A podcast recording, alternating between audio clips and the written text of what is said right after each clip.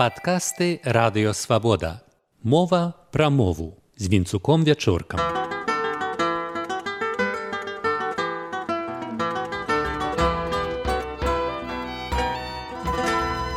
Вітаю шаноўнае спадарства. У нашай моўнай сітуацыі нават адно беларускае слово, назва гатунку тавару, крамы ці фірмы пашырае беларускую прастору.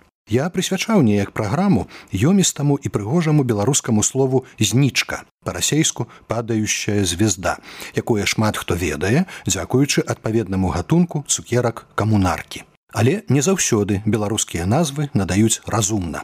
У берасці ёсць баня под назвай лазня.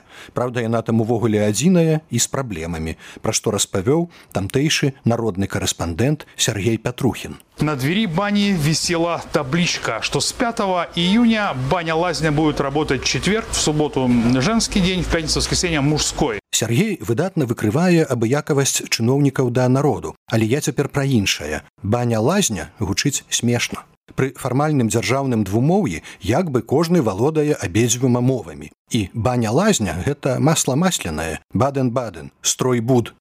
Тэлефаную ў букіністычную кнігарню вянок, што на траецкім прадмесці. Кажу: добрый дзень, гэта кнігарня, цвёрды адказ. нет, это вянок.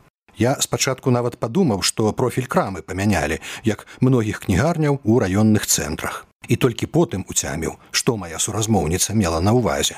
У Менску ёсць кнігарня пісьменніка. Яе відаць людзі кнігагандлёвага цэху завуць паміж сабой кнігарня і спадарня палічыла, што я памыліўся нумарам.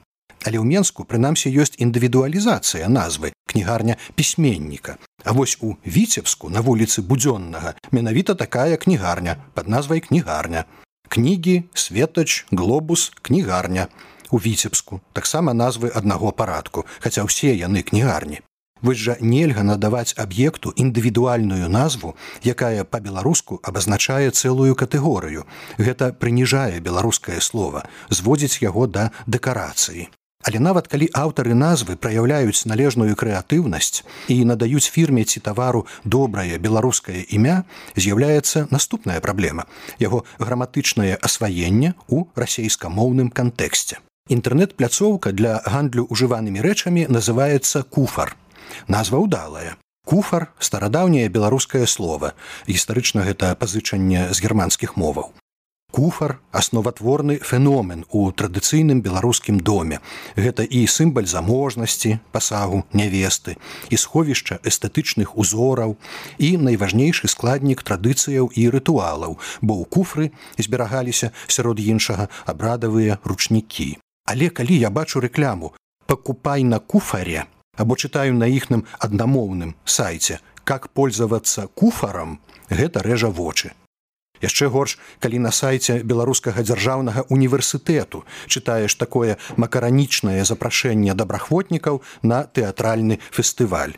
Хотите паваланцёрить а тем более паваланцёрить на тэатральным куфаре бДУ 2015 не раўнуючы на фосфаре ці на буфере Беларускае ж слова куфар ва ўскосных склонах мае беглы галосны.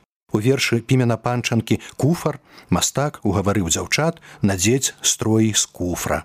А хлопцаў вон хутчэй, няхай ля ганка мокнуць, ад хітрых іх вачэй завесілі ўсе вокны, а фарбы аж пяюць, пахарашэла хата, на прыгажосць сваю дзівуюцца дзяўчаты. Не буду варажыць аб густах і жаданнях, я знаю, скарб ляжыць у куфрах старадаўніх. Імкліва набывае папулярнасць народная футбольная каманда крумкачы. Яна ўжо гуляе ў найвышэйшай лізе. Хлопцы вядуць сучасную рэклямную кампанію. Чытаем у расейскамоўнай газеце салідарнасць пра акцыю. Сексапільныя девушкі прадставілі форму крумкачэй. Менавіта так крумкачэй ані па-расейску, ані па-беларуску.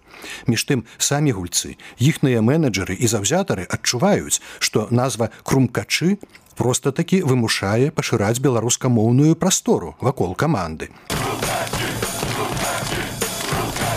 Сапраўды гукаць крумкачі не выпадае. Лягічна, што і спокліч каманды ляцець высока, глядзець далёка. Слёган продажу квіткоў заўзеем разам за сапраўдны футбол. Камандная песня. Няма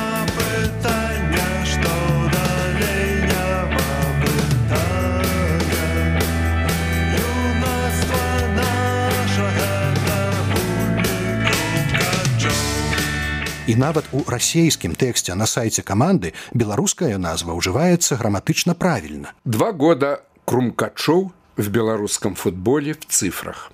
Зазначу, што крумкачы не адзіны клуб з непаўторна беларускаю назваю. Гэта і баскетбольны клуб цмокі мінск і іншыя. У пружанах у старым маёнтку месціцца дынамічны музей з маладым прафесійным калектывам. Музей так і называецца пружанскі палацык. На расейскую не перакладзеш. Але вось чытаем у раённых буднях гэта былая зара камунізму. Першакрасавіцкі жарт, ясна па-расейску. В палацыке большая пальма дала урожай. В палацыке форма пачварка. Трэба у палацыку. Відавочна, калі ўжо беларуская назва зберагаецца ў расейскамоўным тэксце, то і скланяць яе трэба па-беларуску. А найлепш акружыць беларускую назву беларускім кантэкстам. З вами быў вінцук вячорка. Вы слухали падкаст радыё свабода. Усе падкасты свабоды ў інтэрнэце на адрасе свабода кропка орг. Штодня, у любы час, у любым месцы, калі зручна вам. Свабода кропка орг. Ваша свабода.